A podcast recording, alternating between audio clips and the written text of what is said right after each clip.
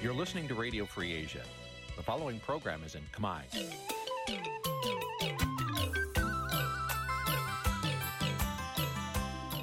នេះជាកម្មវិធីផ្សាយ Vuthu Azizi Serai នេះជាកម្មវិធីផ្សាយរបស់ Vuthu Azizi Serai ជាភាសាខ្មែរ Vuthu Azizi Serai សូមស្វាគមន៍លោកអ្នកនាងទាំងអស់ពីរដ្ឋធានី Washington នៃសហរដ្ឋអាមេរិក បាទពីរដ្ឋធានី Washington ខ្ញុំបាទសេកបណ្ឌិតសូមជម្រាបសួរអស់លោកអ្នកនាងកញ្ញាទាំងអស់ជាទីមេត្រី បាទខ្ញុំសូមជូនកម្មវិធីផ្សាយសម្រាប់រាត្រីថ្ងៃសៅរ៍4កើតខែចែកឆ្នាំខាលចត្វាស័កពុទ្ធសករាជ2566ត្រូវនៅថ្ងៃទី25ខែមីនាគ្រិស្តសករាជ2023បាទជាដំបូងនេះសូមអញ្ជើញអស់លោកអ្នកនាងស្ដាប់ព័ត៌មានប្រចាំថ្ងៃដែលមានមេតិការដូចតទៅ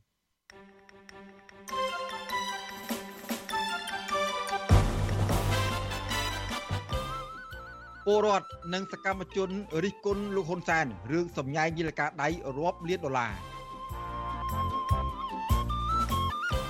ព្រោះសារមន្ត្រីគណៈបកភ្លើងទៀនស្នើសុំឲ្យតុលាការដោះលែងសាច់ញាតិពួកគេត្រឡប់មកវិញ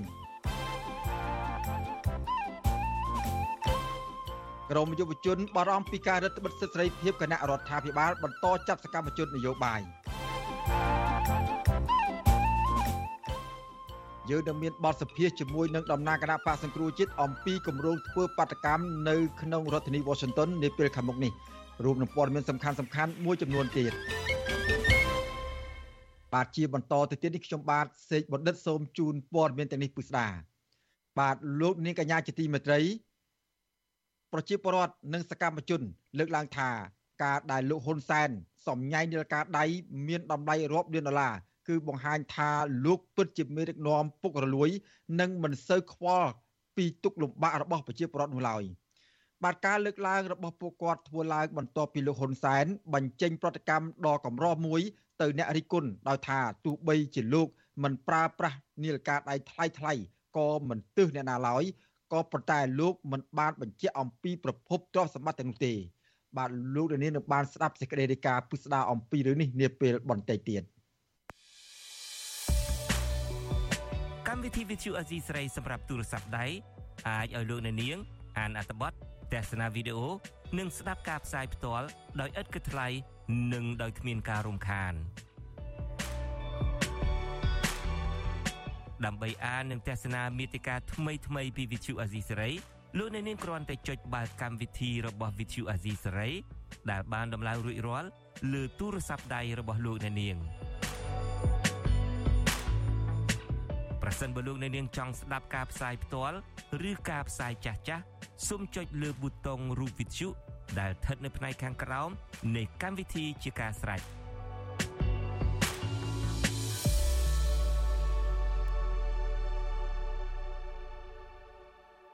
បាទលោកនាងកញ្ញាជាទីមេត្រីលោកនាងកំពុងតាមដានស្ដាប់ការផ្សាយរបស់វិទ្យុអសីសេរីពីរដ្ឋធានី Washington សហរដ្ឋអាមេរិកបាទតកតងនឹងស្ថានភាពនយោបាយក្នុងពេលនេះដែរ បាទព្រះសង្ឃនិងក្រមយុវជនព្រួយបារម្ភអំពីការរឹតបន្តឹងសិទ្ធិសេរីភាពបញ្ចេញមតិគណៈរដ្ឋាភិបាលបន្តតាមចាប់សកម្មជននយោបាយនិងសកម្មជនសិទ្ធិមនុស្សដាក់ពន្ធនាគារជាបន្តបន្ទាប់បាទពួកគេស្នើសុំឲ្យរដ្ឋាភិបាលលើកកម្ពស់ការអនុវត្តច្បាប់ដើម្បីធានាសុខសុវត្ថិភាពដល់ប្រជាពលរដ្ឋនៅពេលដែលពួកគាត់ប្រើប្រាស់សិទ្ធិសេរីភាពស្របតាមច្បាប់បាទពីរដ្ឋធានី Washington លោកជាតិចំណានរាយការណ៍អំពីរឿងនេះ ក្រមយុវជនអំពីវិនិយោគរដ្ឋាភិបាលឲ្យបើកលំហសិទ្ធិសេរីភាពឡើងវិញនិងឈប់ប្រើប្រាស់ប្រព័ន្ធតុលាការជាអាវុធដើម្បីធ្វើទុកបុកម្នេញលើសកម្មជនសង្គមអ្នកនយោបាយនិងយុវជនដែលឈឺឆ្អាលបញ្ហាសង្គមប្រតិជនជាលិនជាតិដែលគង់នៅខេត្តបាត់ដំបងមានថ្នាក់ដឹកការអវិសុអសីសេរីដឹងថាប្រសិនបរដ្ឋាភិបាលនៅតែបន្តបំបិតសម្លេងពលរដ្ឋដែលជាអ្នកស្នេហាជាតិនោះកម្ពុជានឹងរងទណ្ឌកម្មបន្ថែមពីអន្តរជាតិហើយពលរដ្ឋជាអ្នករងគ្រោះខ្លាំងជាងគេ ប្រតិជនបន្ថែមថាភ្នាក់ច្រើនអ្នកដែលរងគ្រោះគឺជាកម្មករកសិករនិងអាជីវករដែលពួកគាត់សុទ្ធសឹងតែជាអ្នកប្រើកម្លាំងដោះដូរយកថវិកា ដើម្បីចិញ្ចឹមជីវិតជាការសំណូមពរទៅកាន់រដ្ឋាភិបាលដែរតកតងជាមួយនឹងការរំលោភសិទ្ធិមនុស្សនេះយើងមើលឃើញថាវាមិនមែនជារឿងល្អទេសម្រាប់រដ្ឋាភិបាលខ្លួនឯងផ្ទាល់ហើយនិងសម្រាប់ប្រជាពលរដ្ឋព្រោះតែកាលណាបើសិនជាមានការរំលោភសិទ្ធិមនុស្សច្រើនប្រជាពលរដ្ឋគាត់នឹងខ្លាចទៅលើរដ្ឋាភិបាលនឹងកាន់តែច្រើនតែបើសិនជាមានការរំលោភសិទ្ធិមនុស្សកាន់តែច្រើនរដ្ឋាភិបាលខ្លួនឯងនឹងនឹងជួបបញ្ហាតាក់ទងជាមួយនឹងប្រជាពលរដ្ឋគាត់មិនពេញចិត្តគាត់ខ្លាចជួបបញ្ហាតាក់ទងជាមួយនឹងខាងបរទេសគាត់ធ្វើការដាក់ទណ្ឌកម្មសេដ្ឋកិច្ចផ្សេងផ្សេងហ្នឹងស្រដៀងគ្នានេះដែរសកម្មជនចលនាមេដាធម្មជាតិកញ្ញាមានលីសាថ្លែងថា កម្ពុជាបាត់បង់ប្រព័ន្ធអនុគ្រោះពន្ធ EBA 20%គឺដោយសារតែកម្ពុជារំលោភសិទ្ធិមនុស្សគំរាមកំហែងលើសកម្មជនគ្រប់រូបភាពជាពិសេសស្ត្រី ដែលត្រូវពួកមានកម្លាំងទុនខ្សោយហើយបែកជាត្រូវអាជ្ញាធរចាប់អូសវារហូតដល់បែកឈាមកញ្ញាបន្តថាមិនខុសអ្វីពីកញ្ញានោះទេដែលស្រឡាញ់បរិស្ថានចង់ផ្សព្វផ្សាយឲ្យពលរដ្ឋបានដឹង ប៉ុន្តែបែរជាអាជ្ញាធរចោទប្រកាន់ថាមាននិន្នាការនយោបាយបំរើផលប្រយោជន៍ឲ្យបរទេសទៅវិញ។ខ្ញុំមើលឃើញថារដ្ឋាភិបាលផ្ទាល់ក៏ត្រូវតែមានការស្ដាប់មិនក៏ត្រូវតែវាទៀមទាខ្លាំងមែនទែនក្នុងការស្ដាប់សម្លេងអ្នកដែលរិះគន់ក្តីឬអ្នកដែលដែលមានការចង់ប្រឹក្សាឬក៏និយាយបញ្ចេញសម្លេងប្រើប្រាស់សិទ្ធិរបស់ពួកគាត់មាននៅពេលដែលគាត់ប្រើប្រាស់សិទ្ធិគឺបិទខ្ជប់គឺមានអ្នកបិទខ្ទប់មិនឲ្យគាត់ព្យាយាមនឹងនិយាយសម្លេងដែលដែលពួកគាត់អាចប្រើប្រាស់សិទ្ធិបានទេទន្ទឹមគ្នានេះ យុវជនម្នាក់ទៀតដែលកំពុងសិក្សានៅសាកលវិទ្យាល័យភូមិន្ទភ្នំពេញលោកសុងសីហាសម្ដែងការមិនពេញចិត្តស្របពេលដែលអាជ្ញាធរបន្តបំផិតបំភ័យអ្នកដែលស្នេហាជាតិខ្លួនឯងបែរជាចាប់ដាក់ពន្ធនាគារទៅវិញលោកបន្តថានេះជាគំរូអាក្រក់ដល់យុវជនចំនួនក្រោយនិងជាភាពអាម៉ាស់ទៅលើឆាកអន្តរជាតិម្យ៉ាងអាចធ្វើឲ្យប៉ះពាល់ដល់យុវជនដទៃទៀតដែលពួកគាត់ចង់ជួយសង្គមប៉ុន្តែត្រូវអាក់ខានវិញដោយសារតែអាជ្ញាធរចោទប្រកាន់លៀបពណ៌ថាពួកប្រឆាំងរដ្ឋាភិបាល។ សម្រាប់ខ្ញុំខ្ញុំមើលឃើញថារដ្ឋាភិបាលគួរតែពង្រឹងនៅច្បាប់ដែលមានចែងនៅក្នុងរដ្ឋធម្មនុញ្ញនិងប្រទេសមួយដែលគេថាកាន់លទ្ធិប្រជាធិបតេយ្យមួយទៀតគឺយើងផ្ដល់សិទ្ធិសេរីភាពទៅដល់អ្នកនយោបាយអ្នកដែលចូលរួមឈឺឆ្អើងនឹងកិច្ចការងារសង្គមយើងត្រូវផ្ដល់សិទ្ធិសេរីភាពឲ្យពួកគាត់ធ្វើរួយរាល់សកម្មភាពដែលពួកគាត់ធ្វើគឺធ្វើឡើងគឺដើម្បីសង្គមប្រតិកម្មរបស់ក្រមយុវជនទាំងនេះ ធ្វើឡើងបន្ទាប់ពីតុលាការដែលរងការរិះគន់ថានៅក្រោមសម្ពាធរដ្ឋាភិបាលលោកហ៊ុនសែនបានកាត់ទោសប្រធានគណៈបកសង្គ្រោះជាតិលោកកឹមសុខាឲ្យជាប់ឃុំក្នុងផ្ទះ27ឆ្នាំពីបទក្បត់ជាតិកាលពីពេលថ្មីថ្មីនេះលោកហ៊ុនសែនក៏បានបញ្ជាឲ្យសមត្ថកិច្ចចាប់ខ្លួនអ្នកគ្រប់គ្រងគណៈបកសង្គ្រោះជាតិដែលស្និទ្ធនឹងលោកកឹមសុខា គឺលោកហ៊ុនកុសលលោកយឹមស៊ីណនដាក់ពន្ធនាគារភ្លាមភ្លាមក្រោយពួកគេបញ្ចេញមតិលើបណ្ដាញសង្គមចំណែកឯស្ថាបនិកគណៈបកបេះដូងជាតិលោកសៀមផ្លុក ត្រូវបានតុលាការកាត់ទោសឲ្យជាប់ពន្ធនាគារជាង2ឆ្នាំកាលពីថ្ងៃទី24ខែមីនា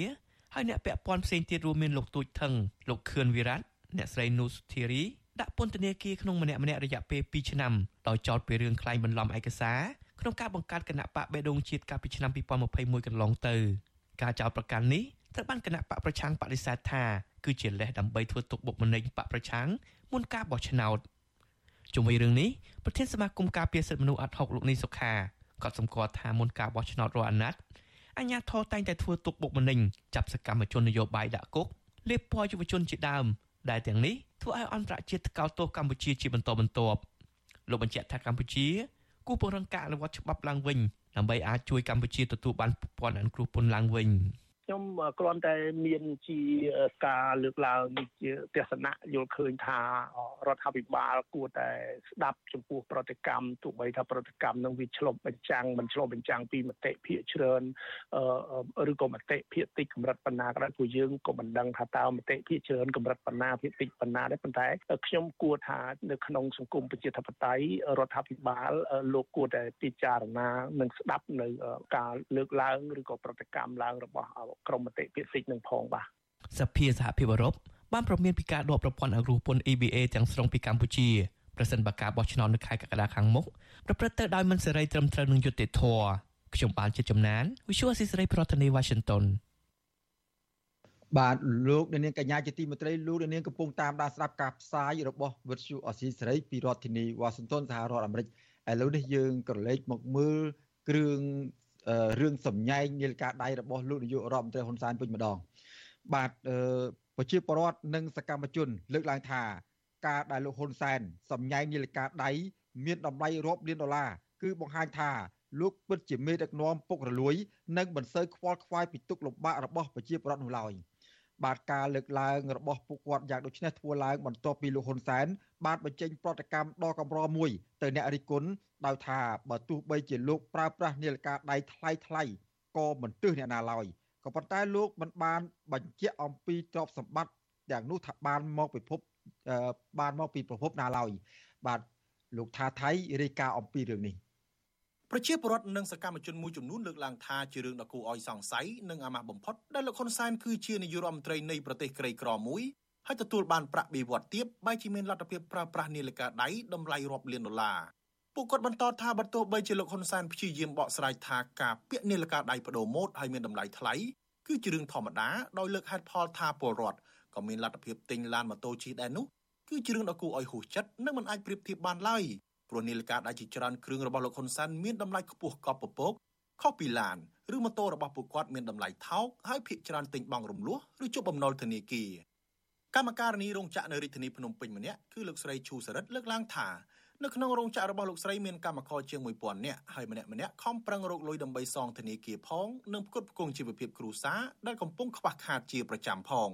លោកស្រីបន្តថាបច្ចុប្បន្ន កម្មករស្ទើរទាំងអស់ជំពាក់ធនាគារដោយសារអ្នកខ្លះខ្ចីលុយមកទិញឬសាងសង់ផ្ទះនិងទិញយានជំនិះដែលជាតម្រូវការចាំបាច់ជាដើមដូច្នេះมันអាចប្រៀបធៀបនឹងស្ថានភាពដ៏ហឺហារបស់លោកនាយករដ្ឋមន្ត្រីបានឡើយកម្មការនីរូបនេះត្អូញត្អែថាបច្ចុប្បន្នពួកគាត់កំពុងជួបការលំបាកកាន់តែខ្លាំងឡើងព្រោះគ្មានការងារនិងប្រាក់ខែទៀងទាត់ដោយសាររោងចក្រមួយចំនួនបិទទ្វារនិងព្យួរការងារ ភាគច្រើនបងអឺសោះជាពាក្យបំណុលធនាគារទាំងអស់ហ្នឹងទោះទិញឡានទិញផ្ទះក៏ដោយក៏ទៅជាពាក្យគេដែរបងបើតាមលទ្ធភាពធ្វើការរោងចក្រក៏មិនបានលុយណាទិញទាំងដំចឹងដែរបងជាមួយគ្នានេះពលករខ្មែរនៅប្រទេសកូរ៉េខាងត្បូងលោកម៉ាត់វ៉ានីថ្លែងថាវាជារឿងដ៏គួរឲ្យហួសចិត្តមួយខណៈកម្ពុជាជាប្រទេសក្រីក្រនិងមានពលកររាប់លានអ្នកចំណាក់ស្រុកចេញទៅធ្វើការនៅក្រៅប្រទេសបែរជាមានមេដឹកនាំចូលចិត្តប្រើប្រាស់សម្ភារៈនិយមតម្លៃរាប់លានដុល្លារសំញែងគេឯងទៅវិញ មែនទែនទៅវាអត់ស៊ីមីត្រីគ្នារវាងសម្ភារៈរបស់គាត់រាប់លានដុល្លារជាមួយនឹងជីវភាពពលរដ្ឋហើយជាមួយនឹងគេឈ្មោះកម្ពុជានឹងក៏កាន់តែដុនដាបទៅទៀតជារួមទៅគឺថាវាអត់អាចយើងជាពលរដ្ឋអាចអាចទទួលយកបានទេនៅពេលហ្នឹងអាហ្នឹងយើងមិនទាន់និយាយអំពីអំពើពុករលួយទេផងពលករនៅប្រទេសកូរ៉េខាងត្បូងរូបនេះបន្តទៀតថាចំពោះពលរដ្ឋសាមញ្ញដែលលោកហ៊ុនសែនឆ្ងល់ថាហេតុអ្វីបានជាមានឡានជិះនោះគឺមកពីពួកគាត់ខិតខំរកបានពីកម្លាំងញើសឈាមត្រឹមត្រូវ ហើយមួយចំនួនដោយសារមានកូនចៅធ្វើចំណាក់ស្រុកមកធ្វើការនៅប្រទេសកូរ៉េខាងត្បូងឬប្រទេសជប៉ុនជាដើមនិងអ្នកខ្លះទៀតមានបានដោយសារការលក់ដីលោកបន្ថែមថាចំពោះអ្នកដែលមានទ្រព្យសម្បត្តិហឺហាឆើតឆាយនៅក្នុងសង្គមភាគច្រើនគឺជាមន្ត្រីនៅក្នុងជួរគណៈបកប្រជាជនកម្ពុជាដែលមានខ្សែមានខ្នងជាអ្នកមានអំណាចនិងជាប់ពាក់ព័ន្ធនឹងការរកស៊ីចំនួនខុសច្បាប់ដូចជាការកាប់បំផ្លាញព្រៃឈើឬក្រុមអង្គការរកស៊ីអចលនទ្រព្យដែលមានការជួយគ្រប់គ្រងពីក្រោយដោយលោកហ៊ុនសែនជាដើមប្រតិកម្មរបស់កម្មករទាំងនេះ ធ្វើឡើងបន្ទាប់ពីលោកហ៊ុនសែននៅក្នុងពិធីចែកសញ្ញាបត្រដល់និស្សិតកាលពីថ្ងៃទី22មិនិនាបានថ្លែងសារភាពជាលើកដំបូងថាលោកជាមនុស្សដែលចូលចិត្តប្រើប្រាស់នាឡិកាដៃតាំងពីវ័យកុមារឬចាប់តាំងពីលោកនៅធ្វើជាក្មេងវត្តលើសពីនេះលោកហ៊ុនសែនមិនបានបដិសេធរឿងប្រើនាឡិកាដៃថ្លៃឡើយក៏ប៉ុន្តែលោកបែរជាឆ្លើយឌឺដងទៅអ្នករិះគន់ថាបើទោះបីជាលោកប្រើប្រាស់នាឡិកាដៃថ្លៃថ្លៃក៏មិនទើសទាល់អ្នកណាដែរហើយពេលនោះមាននាឡិកាអា1000រៀល អីស្អីប៉ុនខ្ញុំទិញអាថ្លៃហ្មងទិញអាទីធនីជាង5000ពេលនោះមាសមកតលឹងតែ3200រៀលហើយខ្ញុំយកនាឡិកាទៅដូរនៅស្រុកមេមត់មុនខ្ញុំចូលព្រៃខ្ញុំទៅដូរនាឡិកានេះតម្លៃ8700ចឹងវាស្មើនឹងចិត្ត3លានពី3 3កន្លះចឹងបានជាមិនបានថាក្មេងវត្តអានេះពាក់នាឡិការហូតខ្ញុំពាក់តាំងពីនៅក្មេងវត្តនោះសំលុយវិធីសន្សំលុយគឺដាក់កូនជ្រូក ជួនកាលនេះអញ្ចឹងទៅទៅជាមួយលោកលោកឲ្យមកចាស់ចាស់ឲ្យមកអញ្ចឹងទៅទុកខ្លះចាយទុកខ្លះញាត់កូនជ្រូកសំសំបាននាឡិកាអញ្ចឹងក៏មកឃើញហ៊ុនសែនពាក់នាឡិកាថ្ងៃនេះថាហ៊ុនសែនពាក់នាឡិកាថ្លៃអឺអញពាក់ថ្លៃមានធ្វើក្បាលឯងយឺច្បាស់ហើយក៏វាពិបាកណាស់តែប្រាក់ខែប៉ុណ្ណឹងមានលុយណាទិញប៉ុណ្ណឹងចុះពួកឯងនឹងវាអត់មានអីដែរមិនក៏មិនឡានជិះវ៉ៃនិយាយអញ្ចឹងហ្មងទៅពី79មកវាអត់អីដែរតែវាឡានជិះដែរ ការឆ្លើយតបរបស់លោកហ៊ុនសែននៅពេលនេះគឺបន្ទាប់ពីប្រជាពលរដ្ឋមួយចំនួនបញ្ចេញមតិរិះគន់ជាបន្តបន្ទាប់រឿងលោកប្រើប្រាស់នាឡិកាដៃដែលមានតម្លៃរាប់លានដុល្លារស្របពេលដែលប្រទេសកម្ពុជាស្ថិតនៅក្រោមការដឹកនាំរបស់លោកជិត4ទសវត្សរ៍មកនេះនៅតែជាប់ឈ្មោះជាប្រទេសក្រីក្រក្នុងពិភពលោកនិងកំពុងជាប់បំណុលបរទេសវ៉ាន់កហើយប្រជាពលរដ្ឋនិងយុវជនជាច្រើនលាននាក់បង្ខំចិត្តចំណាក់ស្រុកប្រត់ប្រាស់គ្រួសារជាទីស្រឡាញ់ដើម្បីស្វែងរកការងារធ្វើនៅក្រៅប្រទេសបើទោះបីជាយ៉ាងណា លោកហ៊ុនសែនដែលសហគមន៍ជាតិនិងអន្តរជាតិចាត់ទុកថាជាមេដឹកនាំផ្ដាច់ការនិងប្រព្រឹត្តអំពើពុករលួយនោះមិនបានបញ្ជាក់ថាលោកទទួលបាននាឡិកាដៃឬប្រភពលុយពីណាដើម្បីទិញនាឡិកាថ្លៃថ្លៃទាំងនោះឡើយលោកហ៊ុនសែនកាលពីឆ្នាំ2011បានប្រកាសទ្រព្យសម្បត្តិជាសម្ងាត់ទៅអង្គភាពប្រឆាំងអំពើពុករលួយដោយមិនបង្ហាញជាសាធារណៈនោះទេលោកបានបញ្ជាក់នៅពេលនោះថាលោកមិនមានប្រភពចំណូលអ្វីផ្សេងទៀតនោះទេក្រៅពីប្រាក់បៀវត្សចំនួន4លាន6សែនរៀលឬស្មើប្រមាណ1500ដុល្លារក្នុងមួយខែ ក្រោយមកនៅចុងឆ្នាំ2016លោកហ៊ុនសែនបានប្រកាសថាចាប់ពីខែមករាឆ្នាំ2017ប្រាក់ខែរបស់លោកឡើងដល់10លានរៀលឬប្រមាណ2500ដុល្លារអាមេរិកក៏ប៉ុន្តែលោកបែរជាមាននីលការដៃប្រណិតជាច្រើនគ្រឿងនៅក្នុងតម្លៃរាប់លានដុល្លារនីលការដៃដែលគេធ្លាប់ប្រទះឃើញលោកហ៊ុនសែនពាក់ជារឿយៗមានប្រមាណ11គ្រឿងដែលអ្នកជំនាញមួយចំនួនបានគណនាដោយផ្អែកទៅលើតម្លៃដែលបានដាក់លក់នៅលើគេហទំព័ររបស់ក្រុមហ៊ុនផលិតនីលការទាំងនោះ យ៉ាងហោចណាស់មានតម្លៃរហូតដល់ទៅជាង20លានដុល្លារកាលពីឆ្នាំ2020បណ្ដាញសារព័ត៌មានអន្តរជាតិឈ្មោះ Vice បានចេញផ្សាយអត្ថបទដ៏លម្អិតមួយថាក្នុងចំណោមនាឡិកាដៃដ៏ប្រណិតទាំងនោះមានដូចជាប្រភេទនាឡិកាដៃផលិតនៅក្នុងប្រទេសស្វីស Mac Patek Philippe ដែលផលិតចេញពីមាសពណ៌សអំឡុងឆ្នាំ2014ដល់ឆ្នាំ2016មានតម្លៃ1លាន2សែនដុល្លារហើយបច្ចុប្បន្នតម្លៃរបស់វាបានកើនដល់3លានដុល្លារនៅពេលគេដាក់ឲ្យដេញថ្លៃ ក្រៅពីនេះនីលីកាដៃ Mac Richard Mille មានតម្លៃ950,000ដុល្លារជាប្រភេទកម្រមានតែ55គ្រឿងនៅលើពិភពលោកនិងនាឡិកាដៃប្រភេទ Patek Philippe Master Chim មានតម្លៃជាង3លានដុល្លារជាដើមនាឡិកាដៃទាំងនេះផលិតចេញពីមាសនិងពេជ្រហើយរចនាយ៉ាងពិសេសសារព័ត៌មានអន្តរជាតិបញ្ជាក់ថាប្រភេទនាឡិកាដៃដែលលោកហ៊ុនសែនប្រើប្រាស់នេះមិនមែនជាផលិតផលសម្រាប់អតិថិជនធម្មតាធម្មតាដែលនរណានរណាក៏អាចរកទិញបាននោះទេ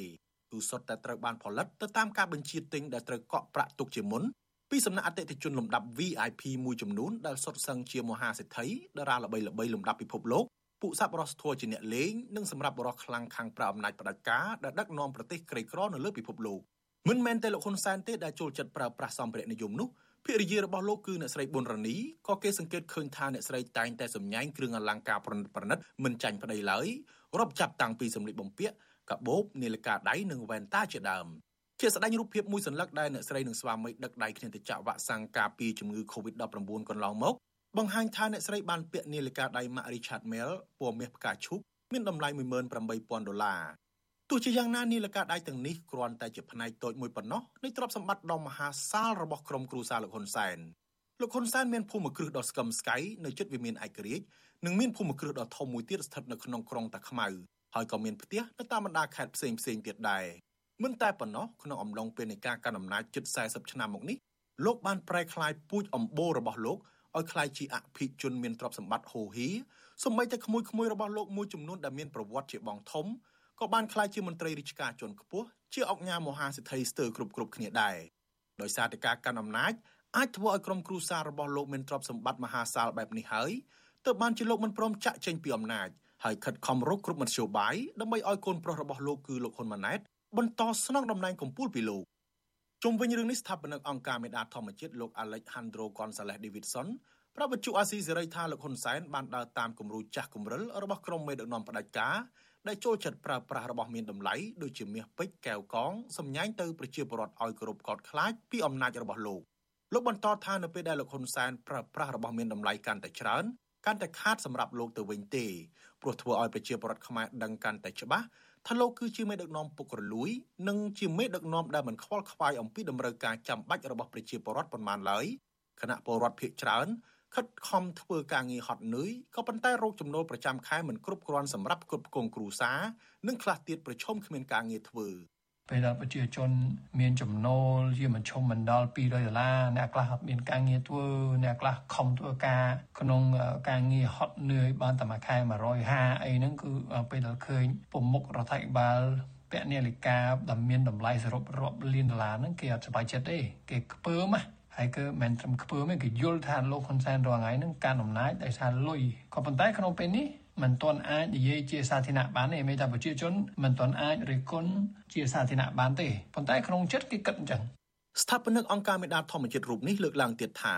ប្រសិនបើនៅក្នុងប្រទេសមានលទ្ធិប្រជាធិបតេយ្យនិងនីតិរដ្ឋពិតប្រាកដលោកហ៊ុនសែនប្រកាសណាស់នឹងត្រូវបានអង្គភាពប្រឆាំងអំពើពុករលួយនិងអាជ្ញាធរពាក់ព័ន្ធផ្សេងទៀតស៊ើបអង្កេតពីប្រភពទ្រព្យសម្បត្តិឬប្រភពចំណូលដែលលោកទទួលបានលុយសម្រាប់ទិញនាឡិកាដៃតម្លៃរាប់លានដុល្លារឬមូលហេតុដែលលោកទទួលបាននាឡិកាដ៏មានតម្លៃទាំងនោះ គណៈប្រាក់ខែជានាយករដ្ឋមន្ត្រីរបស់លោកទោះសន្សំពេញមួយជីវិតក៏មិនគ្រប់ទៅទិញនាឡិកាដៃទាំងនោះដែរទន្ទឹមនឹងលោកហ៊ុនសែនងប់ងល់នឹងចំណាយលុយដ៏ច្រើនសន្ធឹកសន្ធាប់ទិញសម្ភារៈនិយមសម្រាប់តុបតែងខ្លួនប្រាណរបស់លោកនោះរដ្ឋាភិបាលរបស់លោកនៅពេលសាងសង់ហេដ្ឋារចនាសម្ព័ន្ធផ្លូវថ្នល់សាលារៀនមន្ទីរពេទ្យនិងសាលាឃុំសង្កាត់ជាដើមសម្រាប់បម្រើផលប្រយោជន៍សាធារណៈនោះបែរជាខ្វះលុយហើយតែងតែទៅខ្ចីបុលបរទេសជាពិសេសមហាមិត្តរបស់លោកគឺប្រទេសចិនជាបន្តបន្ទាប់ កម្ពុជាដែលស្ថិតក្រោមការដឹកនាំរបស់លោកហ៊ុនសែនបានទទួលរងនឹងការរិះគន់ថាជាសង្គមសម្បូរទៅដោយអំពើពុករលួយគណៈអាជីវកម្មធំធំភាគច្រើនសុទ្ធតែគ្រប់គ្រងទៅដោយកូនចៅត្រកូលហ៊ុនរបាយការណ៍របស់អង្គការឃ្លាំមើលពិភពលោក Global Witness ផ្សាយកាលពីឆ្នាំ2016បង្ហាញថាត្រកូលហ៊ុនកំពុងក្តោបក្តាប់សេដ្ឋកិច្ចធំធំរបស់កម្ពុជាដោយអំពើពុករលួយរំលោភអំណាចនិងរំលោភសិទ្ធិមនុស្សដើម្បីការពារអំណាចរបស់លោកហ៊ុនសែន គ្រូសាត្រកូលហ៊ុនបានកាន់កាប់ផ្ទាល់ឬកាន់កាប់ដោយផ្នែកនៅក្នុងក្រុមហ៊ុនជាច្រើនដែលមានដើមទុនចុះបញ្ជីជាង200លានដុល្លារសហរដ្ឋអាមេរិកហើយបានដាក់ភាគហ៊ុនជាមួយក្រុមហ៊ុនបរទេសដែលមានយីហោល្បីៗចំនួនទឹកប្រាក់ជាង200លានដុល្លារនេះជាចំនួនទឹកប្រាក់ដែលដាក់ចេញឲ្យឃើញនៅក្នុងក្រុមហ៊ុនរបស់ត្រកូលហ៊ុនដែលបានចុះបញ្ជីក្នុងក្រសួងពាណិជ្ជកម្មក៏ប៉ុន្តែអង្គការ Global Witness អះអាងថាពួកគេមានភាគហ៊ុនច្រើនជាងនេះក៏ប៉ុន្តែលាក់បាំងព័ត៌មាន ជាមួយគ្នានេះសន្ទុះអំពើពុករលួយប្រចាំឆ្នាំ2022បង្ហាញថាកម្ពុជាបានស្ថិតនៅក្នុងលេខរៀងទី150ក្នុងចំណោម180ប្រទេសនៅលើពិភពលោកនិងជាលេខរៀងស្ថិតនៅលើប្រទេសមីយ៉ាន់ម៉ាឬភូមាប៉ុណ្ណោះនៅក្នុងតំបន់អាស៊ានខ្ញុំថាថៃពីទីក្រុងមែលប៊នបាទលោកនាងកញ្ញាជាទីមេត្រី លោកនាងកំពុងតាមដានស្ដាប់ការផ្សាយរបស់វិទ្យុអស៊ីសេរីពីរដ្ឋធានីវ៉ាស៊ីនតោនសហរដ្ឋអាមេរិកផ្សាយចេញពីទីក្រុងផ្សាយចេញពីរដ្ឋធានីវ៉ាស៊ីនតោនបាទលោកនាយករដ្ឋមន្ត្រីហ៊ុនសែនកាលពីថ្ងៃទី22មីនា បានលើកឡើងថាប្រសិនបើវិទ្យុអស៊ីសេរី ជាខេមរៈភាសា ចង់បើកដំណើរការនៅកម្ពុជាឡើងវិញនោះលុះត្រាតែបណ្ដេញអ្នកផ្សាយព័ត៌មានវិទ្យុអស៊ីសេរីទាំងអស់ជាមុនសិន កសិករនៅក្នុងឃុំកំ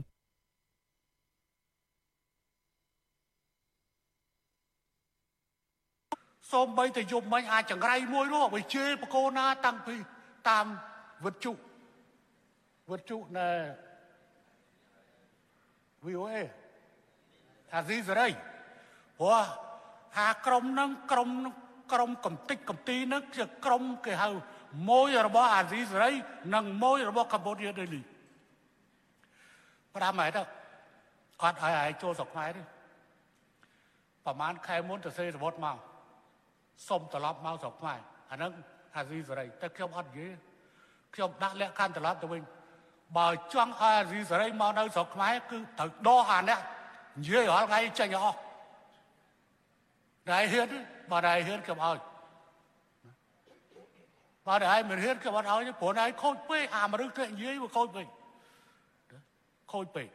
អាដល់និយាយគ្នាច្បាស់មិនចាំបាច់មានវត្តមានពួកឯងទេ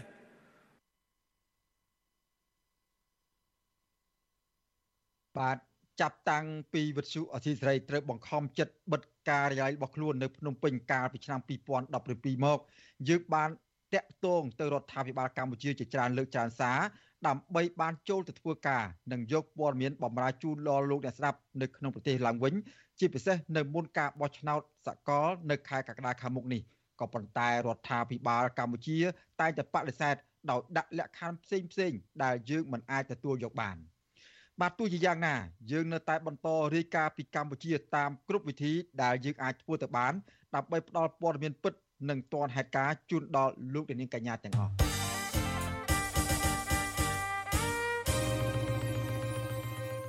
បាទ អស់លោកនាងកញ្ញាជាទីមេត្រីឥឡូវនេះយើងក្រឡេកមកមើលស្ថានភាពរបស់សកម្មជននិងស្ថានភាពរបស់គណៈបកប្រឆាំងវិញបាទក្រមគ្រួសារមន្ត្រីគណៈបកភ្លើងទៀនទាមទារឲ្យតុលាការដោះលែងសកម្មជនគណៈបកភ្លើងទៀនឲ្យមានសេរីភាពវិលត្រឡប់មកប្រឡូកជ្រុងឆាកនយោបាយឡើងវិញពីព្រោះសាច់ញាតិរបស់ពួកគេមិនមានកំហុសអ្វីឡើយបាទសំណើនេះធ្វើឡើងបន្ទាប់ពីតុលាការកាត់ទោស មន្ត្រីគណៈបកភ្លើងទៀនជាច្រើនអ្នកឲ្យជាប់ពន្ធនាគារ2ឆ្នាំដោយចោទពីបទក្លែងបន្លំឯកសារក្នុងការបង្កើតគណៈបកបេះដូងជាតិបាទមន្ត្រីសង្គមស៊ីវិលបារម្ភថាការកាត់ទោសសកម្មជននេះនឹងធ្វើឲ្យប៉ះពាល់ដល់សំណើការបោះធ្វើឲ្យប៉ះពាល់ដល់ដំណើរការបោះឆ្នោតនិងរងការរិះគន់ពីសហគមន៍អន្តរជាតិអំពីការធ្លាក់ចុះបញ្ហាប្រជាធិបតេយ្យនិងសិទ្ធិមនុស្សនៅកម្ពុជា បាទ អ្នកស្រីម៉ៅសុធីនីមានសេចក្តីរាយការណ៍ពិស្ដារអំពីរឿងនេះពីរដ្ឋធានី Washington ក្រុមគ្រួសារនិងមន្ត្រីសង្គមស៊ីវិលរីគុណថាចំណាត់ការរបស់តុលាការលើមន្ត្រីបាក់ភ្លើងទៀនកាន់តែធ្វើឲ្យស្ថានភាពនយោបាយកាន់តែអាក្រក់មុនការបោះឆ្នោតជ្រើសតាំងតំណាងរាស្ត្រអាណត្តិទី7ហើយពួកគេក៏បានស្នើដល់តុលាការដោះលែងមន្ត្រីនិងសកម្មជននយោបាយទាំងនោះឲ្យមានត្រីភាពឡើងវិញដោយឥតលក្ខខណ្ឌប្រពន្ធមន្ត្រីគណៈបកភ្លើងទៀនលោកតូចថង គឺលោកត្រីសុវណ្ណាខកចិត្តចំពោះប៉ូលីសច្រើនអ្នកដែលបានផ្ដួលម៉ូតូក្របួចកអាយចាប់ខ្លួនប្តីដោយគ្មានដីកាកាលពីថ្ងៃទី24ខែមីនាខណៈដែលគ្រួសារដែលរកសាច់ញាតិគ្រប់ច្រកល្ហកស្ត្រីវ័យ58ឆ្នាំរូបនេះឲ្យដឹងថាលុះដល់ព្រឹកថ្ងៃទី25ខែមីនាក្រោយលោកស្រីទៅសាកសួរឆ្មាំយាមពន្ធនាគារទៅបានដឹងថាប្តីរបស់លោកស្រីត្រូវបានអាជ្ញាធរបញ្ជូនមកឃុំខ្លួននៅពន្ធនាគារប្រៃសណ ប៉ុន្តែមន្ត្រីនៅទីនោះមិនអនុញ្ញាតឲ្យក្រុមគ្រួសារចូលជួបឬក៏ផ្ញើសម្ភារៈនោះឡើយលោកស្រីរៀបរាប់ទាំងទឹកភ្នែកថាលោកស្រីព្រួយបារម្ភពីសុខទុក្ខជាខ្លាំងជាពិសេសចំពោះជំងឺភ្នែករបស់ប្តីដែលត្រូវការថែទាំនិងពិនិត្យព្យាបាលឲ្យបានដិតដល់ លោកស្រីសុវណ្ណាអះអាងថាប្តីរបស់លោកស្រីមិនបានប្រព្រឹត្តកំហុសដូចជាការចោទប្រកាន់នោះឡើយព្រោះគាត់គឺជាមនុស្សស្អាតស្អំហើយស្នើដល់តុលាការឲ្យដោះលែងប្តីលោកស្រីឲ្យមានសេរីភាពឡើងវិញដោះលែងប្តីខ្ញុំចេញមកមានសេរីភាពជួបជុំកូនកូនចៅព្រោះគាត់អាយុច្រើនហើយហើយគាត់ឈឺហើយមនុស្សគាត់ស្មោះ គាត់ឈឺភ្នែកមិនឈឺធម្មតាទេបើទុកគាត់នៅនឹងល្ងឹតភ្នែកពីណាគេនឹកមើលក៏គាត់ពុងតាក់ភ្នែករាល់ថ្ងៃហ្នឹងខ្ញុំសូមសួរឲ្យពូជួយពៀវនាឲ្យប្តីខ្ញុំចេញមកឲ្យមានសេរីភាពជួបជុំជួបកូនចៅត្រូវបីគាត់ធ្វើអីរឿងហ្នឹងមិនត្រូវចាប់ជាងខ្ញុំនៅអានចិត្តថាអត់មានដីកាមហាប្តីខ្ញុំរហូតដល់ថ្ងៃហ្នឹងអត់ឲ្យខ្ញុំដឹង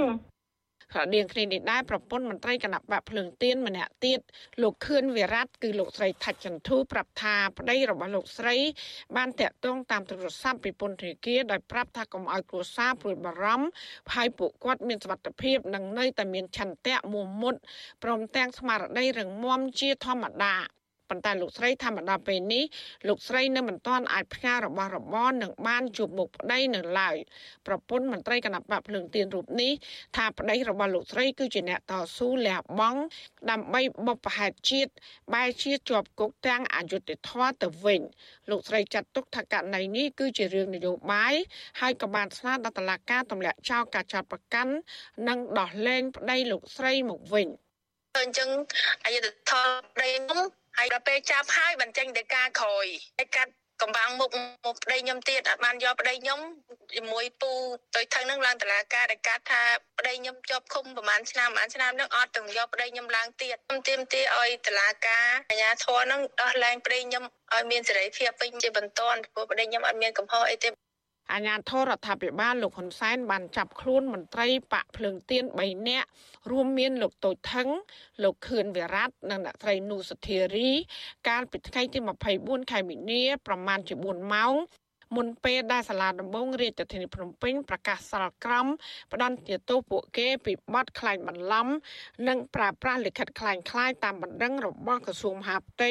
ពាក់ព័ន្ធនឹងការស្នើសុំបង្កើតគណៈបកបេដងជាតិកាលពីឆ្នាំ2021តឡាកាបានកាត់ទោសលោកសៀមភ្លុកឲ្យជាប់ពន្ធនាគារពីឆ្នាំ6ខែហើយអ្នកពាក់ព័ន្ធ12អ្នកផ្សេងទៀតរួមមានលោកតូចថង លោកខឿនវិរៈអ្នកស្រីនូសុធារីជាដើម ដាក់ពន្ធនាគារក្នុងម្នាក់ម្នាក់រយៈពេល2ឆ្នាំបច្ចុប្បន្នសំណុំរឿងនេះមានអ្នកកំពុងជាប់ឃុំ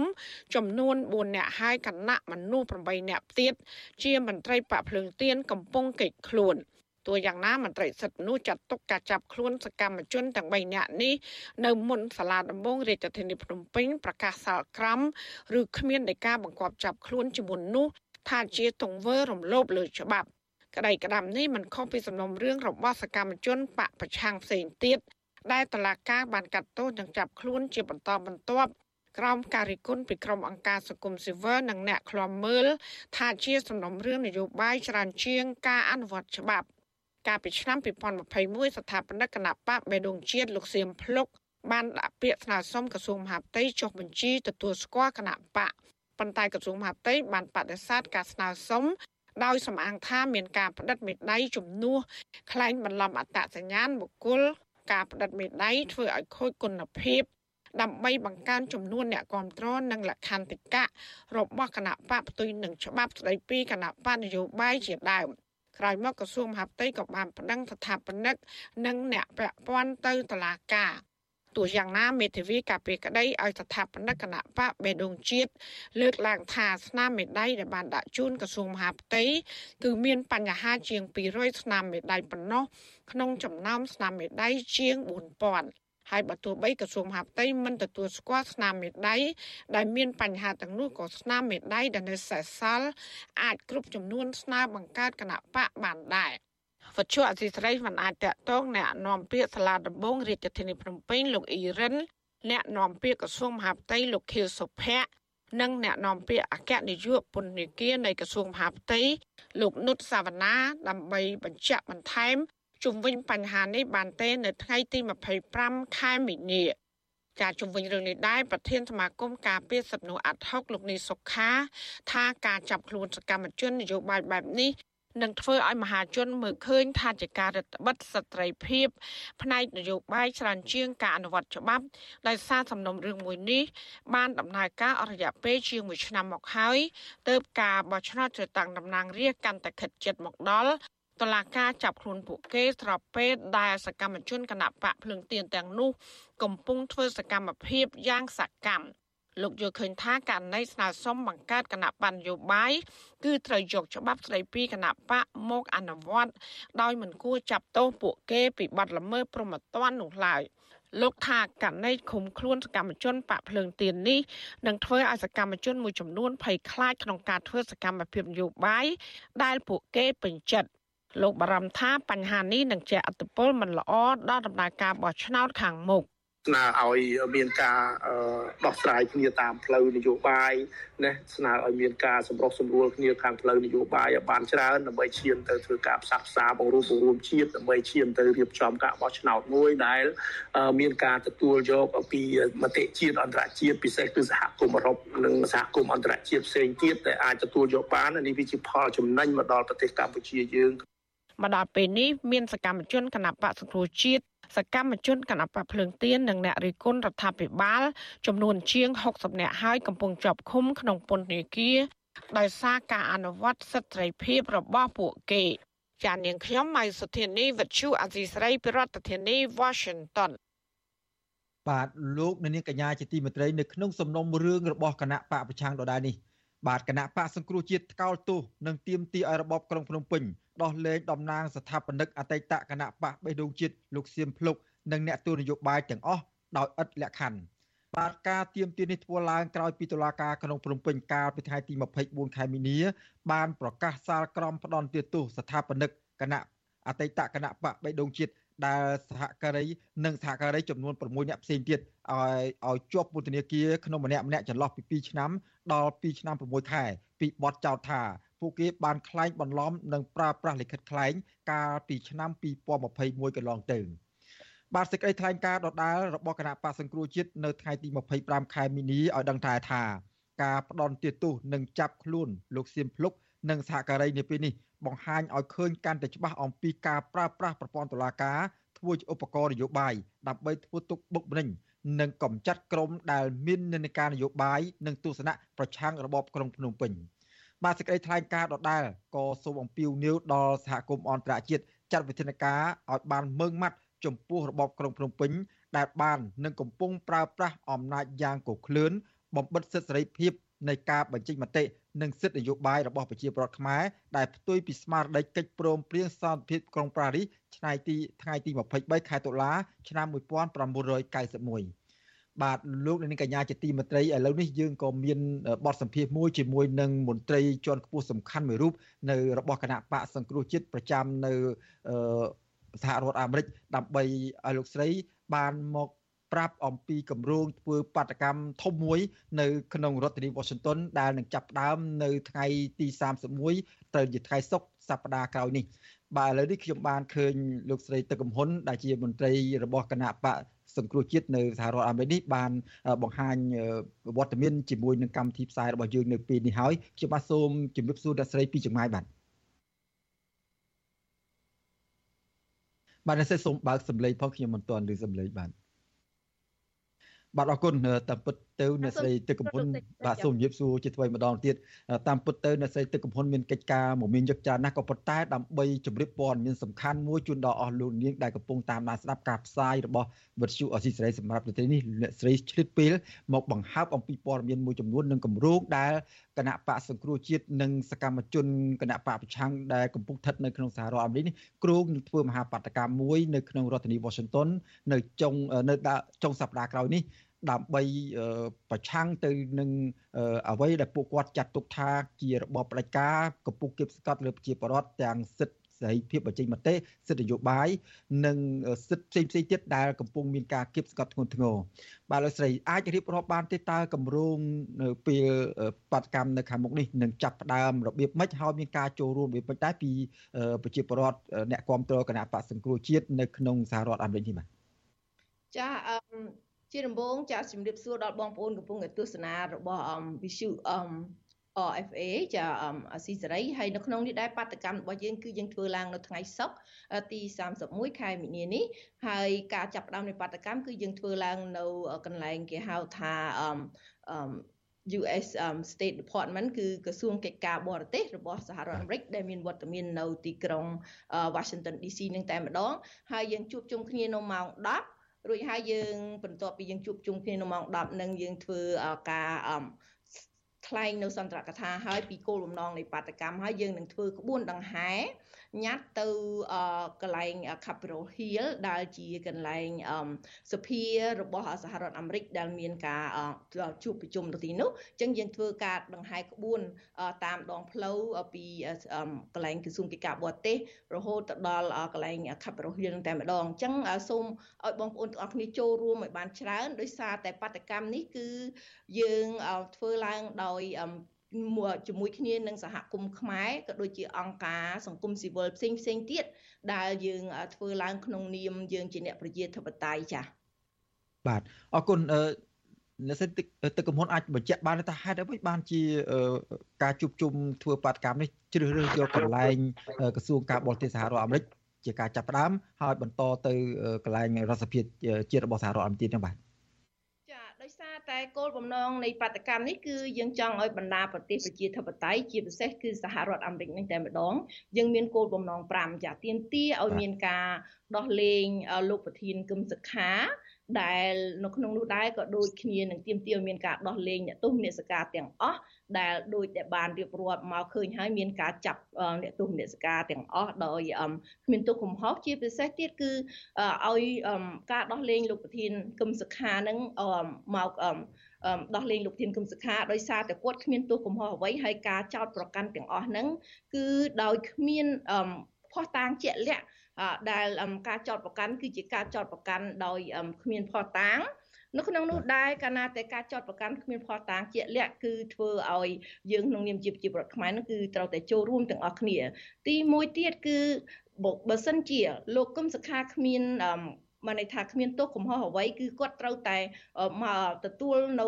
សិទ្ធិធ្វើការនយោបាយឡើងវិញនៅក្នុងការចូលរួមបោះឆ្នោតនៅពេលខាងមុខនេះទី2ទៀតគឺយើងទាមទារឲ្យមានការ ចូលរួមនៅក្នុងគណៈបកសង្គ្រោះជាតិឲ្យគណៈបកសង្គ្រោះជាតិចូលរួមនៅក្នុងដំណើរការបោះឆ្នោតនៅពេលខាងមុខនេះដោយសារតែរបបលោកហ៊ុនសែននេះគឺបានចាត់ទុកលោកគឹមសុខានឹងគឺថាជាប់ពន្ធនាគារទាំងអស់ដាក់ទោសលោកគឹមសុខាតាក់ទងទៅនឹងរឿងគណៈបកសង្គ្រោះជាតិអញ្ចឹងបើលោកគឹមសុខាគ្មានទោសកំហុសគណៈបកសង្គ្រោះជាតិគឺត្រូវតែដំណើរការឡើងវិញជាពិសេសទៀតឲ្យថ្នាក់ដឹកនាំគណៈបកសង្គ្រោះជាតិដែលកំពុងតែនៅក្រៅប្រទេសនេះចូលរួមធ្វើនយោបាយឡើងវិញនៅក្នុងពេលបោះឆ្នោតនៅក្នុងឆ្នាំនេះនៅខែចាខែ7 ថ្ងៃទី23ឆ្នាំឆ្នាំ2023នេះទី3មួយទៀតគឺយើងទៀមទាឲ្យមានចាឲ្យមានការជាពិសេសគឺសហរដ្ឋអាមេរិកនឹងកុំឲ្យមានការទទួលស្គាល់នៅការបោះឆ្នោតទាំងឡាយដែលការបោះឆ្នោតនោះបើសិនជាគ្មានគោរពនៅគោលការណ៍លទ្ធិប្រជាធិបតេយ្យបកការបោះឆ្នោតសេរីនិងយុត្តិធម៌ទេគឺយើងមិនមិនទទួលស្គាល់នៅការបោះឆ្នោតនោះជាដាច់ខាតចាមួយទៀតលក្ខខណ្ឌមួយទៀតគឺយើងទៀមទាឲ្យសហគមន៍ក៏ដូចជាសហភាពអឺរ៉ុបទាំងអស់ក៏ដូចជាបណ្ដាប្រទេសដែលមានបានជំនួយទៅដល់សហប្រទេសកម្ពុជាយើងនឹងគឺឲ្យគិតឡើងវិញឲ្យធ្វើការពិចារណាឲ្យមានការធ្វើនៅបន្ទាត់ ដាក់បន្ទុកនៅបន្ទាត់ដែលថាមានន័យថា គឺប្រទេសកម្ពុជាយើងហ្នឹងគឺដឹកនាំដោយរបបលោកហ៊ុនសែនហ្នឹងបើសិនជា នៅតែបន្ត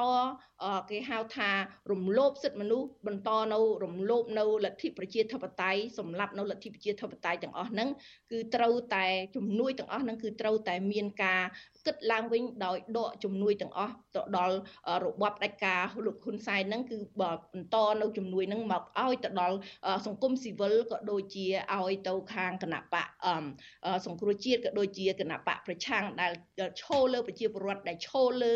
នៅសិទ្ធិសេរីភាពរបស់ប្រជាពលរដ្ឋជាពិសេសទៀតគឺធ្វើកិច្ចការងារស្របទៅតាមសិទ្ធិសញ្ញាទីក្រុងប៉ារីសចា៎បាទអរគុណ ចង់ដឹងដែរថាតើក្រៅពីធ្វើកោតកម្មនៅខាងមុខក្រសួងការបរទេសសហរដ្ឋអាមេរិកនេះតើគណៈបកសង្គ្រោះជាតិនិងសកម្មជនឬមួយក៏អ្នកចូលរួមទាំងអស់នឹងមានកម្មវិធីឬមួយក៏ធ្វើអ្វីផ្សេងទៀតទេជាជំនាញបន្តឬមួយក៏មុននឹងចូលដល់បាតកម្មនោះបាទចាមុននឹងចូលទៅដល់បដកម្មយើងក្នុងនាមជាថ្នាក់ដឹកនាំតំណាងឲ្យប្រជាពលរដ្ឋខ្មែរក៏ដូចជាសង្គមសង្គមអ្នកប្រជាធិបតេយ្យយើងនឹងមានការណាត់ជួបទៅដល់ អង្គការផ្សេងផ្សេងហើយនៅក្នុងសហរដ្ឋអាមេរិកនៅក្នុងទីក្រុង Washington DC នឹងតែម្ដងក៏ដូចជាជួបនៅក្រសួងកិច្ចការបរទេសខាងផ្នែកសិទ្ធិមនុស្សដូចគ្នាដែរដើម្បីឲ្យគាត់បានឃើញហើយប៉ុន្តែយើងចង់បញ្ជាក់បន្ថែមទៀតថានេះពេលថ្មីថ្មីនេះទៀតដូចមានការចាប់សកម្មជនគណៈបកប្រជាធិបតេយ្យគណៈបកភ្លើងទៀនគណៈបកសង្គ្រោះជាតិហ្នឹងគឺដោយសារតែរបបលោកហ៊ុនសែននេះគឺយកនៅគេហៅថាប្រព័ន្ធតឡាការជាអាវុធសម្រាប់គម្រាមកំហែងអ្នកប្រជាធិបតេយ្យជាពិសេសយកយកប្រព័ន្ធតឡាការនឹងគម្រាមកំហែងទៅដល់ការបំបិតសិទ្ធិរបស់លោកប្រធានគុំសខាដែលមិនអោយគាត់ចូលរួមនៅក្នុងផ្នែកនយោបាយហ្នឹងហើយជាពិសេសទៀតរំលោភសិទ្ធិស្ត្រីតែម្ដងយើងឃើញមានការចាប់ចងហើយហើយបន្ថែមលើសនោះទៀតគឺបំបិតនៅសម្លេងប្រជាធិបតេយ្យដែលបានបំបិតនៅសម្លេងវិទ្យុដូចជាវិទ្យុអាស៊ីសេរីវិទ្យុ VOD អីជាដើមអញ្ចឹងទាំងអស់នឹងឯងយើងនឹងមានការជួបនៅការណាត់ហើយពេលពេលយើងធ្វើបាតកម្មគេនឹងមានការចុះមកយកញត្តិយកអីពីយើងជាដើមនឹងអញ្ចឹងនេះជាបញ្ជាក់ឲ្យឃើញថាចង់បញ្ជាក់ឲ្យឃើញថាប្រទេសប្រជាធិបតេយ្យជាពិសេសសហរដ្ឋអាមេរិកនេះតែម្ដងគឺឈរនៅលើយើងដែលក្នុងនាមយើងជាអ្នកប្រជាធិបតេយ្យជាពិសេសទៀតគឺមិនឈរលើជនផ្ដាច់ការដែលកំពុងតែរំលោភសិទ្ធិសេរីភាពប្រជាពលរដ្ឋខ្មែរទេចា៎ បាទអរគុណចុងក្រោយសូមឲ្យខ្លីតើមកទល់នឹងពីនេះតើខាងគណៈបកសង្គ្រោះជាតិបានគៀងគោអ្នកគ្រប់គ្រងឬមួយក៏ប្រជាពលរដ្ឋដែលស្នេហាស្រឡាញ់លទ្ធិប្រជាធិបតេយ្យនិងសិទ្ធិមនុស្សនេះបានប្រមាណហើយពីរដ្ឋណាខ្លះដែរហើយគ្រូងនឹងប្រមាណប្រមូលបន្ថែមទៀតប៉ុណ្ណាដែរបាទក្នុងផែនការខាងមុខនេះបាទ ចាក្នុងគម្រោងរបស់យើងគឺដូចដែលយើងធ្វើរាល់តែដងអញ្ចឹងយើងធ្វើការសហការជាមួយនឹងបណ្ដាប្រទេសផ្សេងផ្សេងដូចជាប្រទេសភូមាមានប្រទេសដូចជាតំណាងមកពីឡាវតំណាងមកពីថៃនៅក្នុងនោះយើងចង់បញ្ជាក់រូបភាពថាក្នុងនាមយើងជាអ្នករងគ្រោះក្នុងនាមយើងជាអ្នកទាមទារប្រជាធិបតេយ្យហ្នឹងគឺយើងឈរលើគោលការណ៍តែមួយគឺយើងចូលរួមជាមួយគ្នាដើម្បីស្រែកបំពងថាប្រជាធិបតេយ្យត្រូវតែមាននៅក្នុងតំបន់តំបន់អាស៊ីយើងហ្នឹងជាពិសេសគឺបណ្ដាប្រទេសទេសដូចជាខ្មែរយើងភូមិអីជាដើមហ្នឹងអញ្ចឹងទាំងអស់ហ្នឹងគឺការបាតកម្មដើម្បីសិទ្ធិសេរីភាពប្រជាពលរដ្ឋខ្មែរក៏ដូចជាមានការដោះលែងលោកធានសឹមសុខានិងអ្នកទោសអ្នកស្កាប៉ុន្តែក៏ជាជំហរមួយនៅក្នុងនាមយើងជាអ្នកប្រជាធិបតេយ្យចូលរួមជាមួយគ្នានៅក្នុងនោះដែរយើងមានបណ្ដា state ផ្សេងផ្សេងដូចជានៅខាង Massachusetts Washington DC North Carolina Georgia South Carolina Pennsylvania Rhode Island គឺនៅតំបន់ខាងផ្នែកនៃខាងគេហៅថាអាមេរិកខាងកើតហើយនៅក្នុងអាមេរិកខាងលិចទៀតគឺនៅរដ្ឋ California នឹងមានធ្វើបាតកម្មដូចគ្នាដែរហើយនៅក្នុង Washington DC នឹងក៏មានបងប្អូនក៏ដូចជាតំណាងមកពីប្រទេសកាណាដាចូលរួមដូចគ្នាដែរអញ្ចឹងយើងមានបងប្អូនច្រើនចូលរួមយើងយើងសង្ឃឹមនឹងមានចំចំនួនរហូតដល់200ទៅ300នាក់ចាស់ដោយដែលយើងធ្វើបាតកម្មជារៀងរាល់ដងចាស់បាទអរគុណបុត្រអស៊ីស្រីក៏នឹងតាមដានការធ្វើបាតកម្មដំណើរធ្វើបាតកម្មនៅរដ្ឋធានីវ៉ាស៊ីនតោននេះដែរហើយសង្ឃឹមថាជួបគ្នានៅពេលនៅពេលខាងមុខនេះបាទសូមអរគុណជំរាបលាអ្នកស្រីទឹកកំពុនតែប៉ុណ្្នេះសិនបាទចាសូមជម្រាបលាសូមអរគុណចា បាទលោកនាងកញ្ញាជាទីមេត្រីលោកនាងកំពុងតាមដានស្ដាប់ការផ្សាយរបស់វិទ្យុអស៊ីសេរីពីរដ្ឋធានីវ៉ាស៊ីនតោនសហរដ្ឋអាមេរិកបាទជាបន្តទៅទៀតនេះយើងក៏លេចទៅមើលបញ្ហាចំនួនដីធ្លីនៅខេត្តបាត់ដំបងនៅវិញបាទប្រជាពលរដ្ឋជាង70គ្រួសារនៅក្នុងស្រុកកំរៀងខេត្តបាត់ដំបងខកចិត្តចំពោះរដ្ឋបាលស្រុកនិងខេត្ត ដែលមិនបានដោះស្រាយករណីអតីតអភិបាលរងខេត្តបន្ទាយមានជ័យធ្វើរបងបិទផ្លូវមិនឲ្យពួកគាត់ចេញចូលផ្ទះសម្បែងអស់រយៈពេលជិតកន្លះឆ្នាំមកនេះបាទមន្ត្រីសង្គមស៊ីវិលជំរុញឲ្យអាជ្ញាធរពន្យាការដោះស្រាយនិងជួយដល់ប្រជាពលរដ្ឋភៀកគីរងគ្រោះទាំងសងខាង ដើម្បីឲ្យបញ្ចប់រឿងនេះបាទពីរដ្ឋធានីវ៉ាស៊ីនតោនលោកយ៉ងច័ន្ទរាមានសេចក្តីរាយការណ៍ជូនដូចតទៅ ប្រជាពលរដ្ឋចំនួន74គ្រួសារនៅភូមិតាប្រងឃុំតាក្រីស្រុកកំរៀងកំពុងរងចាំការអន្តរាគមន៍ពីអាជ្ញាធរដោះស្រាយវិវាទបិទផ្លូវចេញចូលផ្ទះសម្បែងរបស់ពួកគាត់បន្ទាប់ពីអតីតអភិបាលរងខេត្តបន្ទាយមានជ័យគឺលោកតូធានទឺសង់របងបិទផ្លូវក្រោយលោកទិញដីនៅទីនោះតំណាងប្រជាពលរដ្ឋរស់នៅឃុំតាក្រីលោកស្រីមុលស្រីមុំប្រាប់វិទ្យុអាស៊ីសេរីនៅថ្ងៃទី25ខែមីនាថាលោកស្រីមិនហ៊ានឆ្លងកាត់ផ្លូវនោះទៅផ្ទះឡើយ ដោយបង្ខំចិត្តជួលផ្ទះនៅខាងក្រៅស្នាក់នៅជាបណ្ដោះអាសន្នរងចាំការដោះស្រាយពីអាជ្ញាធរលោកស្រីបន្តថាក្រោយបិទផ្លូវហាមមិនឲ្យជិញ្ចូលហើយលោកតូធានទឺបានបណ្ដេញប្រជាពលរដ្ឋឲ្យរុះរើផ្ទះសម្បែងដោយអះអាងថាដីទាំងនោះគឺជាកម្មសិទ្ធិរបស់លោកលោកស្រីស្នើឲ្យអាជ្ញាធរពាក់ព័ន្ធដោះស្រាយបញ្ហានេះឲ្យបានឆាប់រហ័សដើម្បីឲ្យប្រជាពលរដ្ឋអាចវិលត្រឡប់ទៅរស់នៅលំនៅឋានរបស់ពួកគាត់វិញ។ យើងអ្នកអត់យើងរមកពេលហូបមកពេលបើនៅផ្ទះយើងវាស្រួលងាយស្រួលនឹងថាយើងវាមានផ្ទះហើយយើងគ្រាន់តែរមកគាត់គង់គ្រួសារយើងអញ្ចឹងដល់ពេលយើងចាញ់ទៅក្រៅយើងទៅជួបផ្ទះគេរមកឡាយបានឲ្យថ្លៃផ្ទះគេទៅឲ្យអាកូនរៀនកូនអីនេះវាផលលំបាកអញ្ចឹងឯងណាបើតែយើងនៅហ្នឹងគេមិនតាន់បាត់ទេយើងអាចចាញ់ចូលស្រួលអញ្ចឹងទៅកូនទៅរៀនអីបានស្រួលហើយយើងចាញ់មករលលក់នៅផ្សារអីក៏បានស្រួលអញ្ចឹងណាប្រជាពលរដ្ឋអះអាងថា ផ្លូវដែលពួកគាត់ប្រើប្រាស់និងឆ្លងកាត់ត្រូវបានអាជ្ញាធរឃុំនិងរដ្ឋបាលខេត្តបាត់ដំបងទទួលស្គាល់និងឯកភាពគ្នាពីម្ចាស់ដីឲ្យប្រជាពលរដ្ឋធ្វើដំណើរចេញចូលពួកគាត់បញ្ជាក់ថាដីដែលពួកគាត់រស់នៅសពថ្ងៃគឺជាដីដែលលោកជុនធីទិញនិងចែកចាយទៅដល់ប្រជាពលរដ្ឋក្រីក្រចំនួន74គ្រួសារលើផ្ទៃដី9000ម៉ែត្រការ៉េក៏ប៉ុន្តែនៅក្នុងឆ្នាំ2022លោកតូធានទឺដែលធ្លាប់មានវិវាទដីធ្លីជាមួយលោកជុនធីនោះ បានទិញដីពីម្ចាស់ឈ្មោះប៉ែនសារ៉េតនិងធ្វើរបងព័ទ្ធជុំវិញ ដោយបិទផ្លូវមិនឲ្យប្រជាពលរដ្ឋឆ្លងកាត់បាននោះទេប្រជាពលរដ្ឋរស់នៅឃុំតាក្រីលោកឈិនមីនីខកចិត្តចំពោះអាញាធរដែលអសមត្ថភាពមិនអាចដោះស្រាយបញ្ហានេះបានហើយរុញបញ្ហានេះដាក់គ្នាទៅវិញទៅមកលោកបន្តថាការបើកផ្លូវនេះមិនមែនជារឿងពិបាកនោះទេប្រសិនបើអាជ្ញាធរ